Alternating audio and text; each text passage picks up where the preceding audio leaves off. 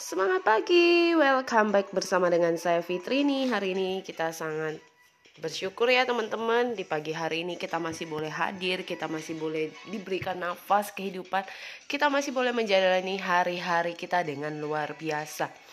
Teman-teman pernahkah teman-teman mengalami yang namanya kegalauan yang membuat teman-teman jadi bimbang dengan kapasitas diri teman-teman?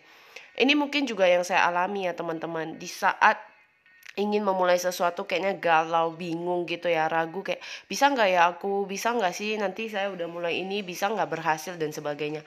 Kadang jujur kita terlalu fokus dengan yang namanya research hasil membuat kita jadi ragu dengan kemampuan kapasitas kita. Emang salah ya fit kalau kita uh, berpatokan ke hasil? Tidak salah pasti orang lihatnya research. Nah tapi masalahnya gini Sering kita melihat hasil, akhirnya kita lupa dengan proses yang kita lalui.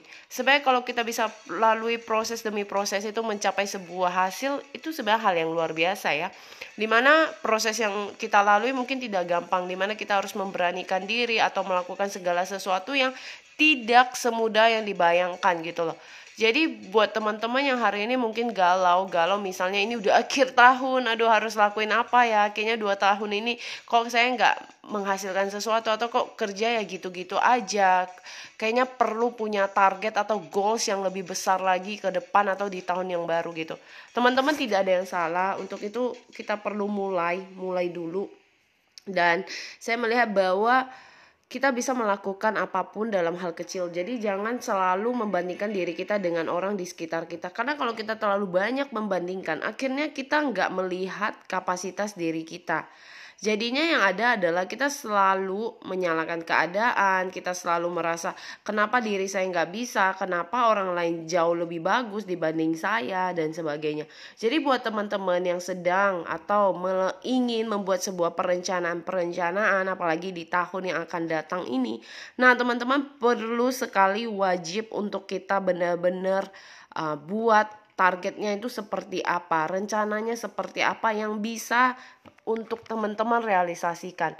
Karena kadang kita terlalu membuat yang besar yang sebenarnya kita tahu kita belum sanggup ke sana tapi kita memaksa diri akhirnya kita jadi galau kita juga jadi capek kan untuk melakukannya jadi kalau buat teman-teman coba dulu buat rencana-rencana atau target yang bisa dicapai sendiri dalam waktu dekat atau dalam tempo waktu berapa lama sehingga kita nggak merasa kayak oh susah banget ya aduh kok ini nggak capai-capai dan sebagainya.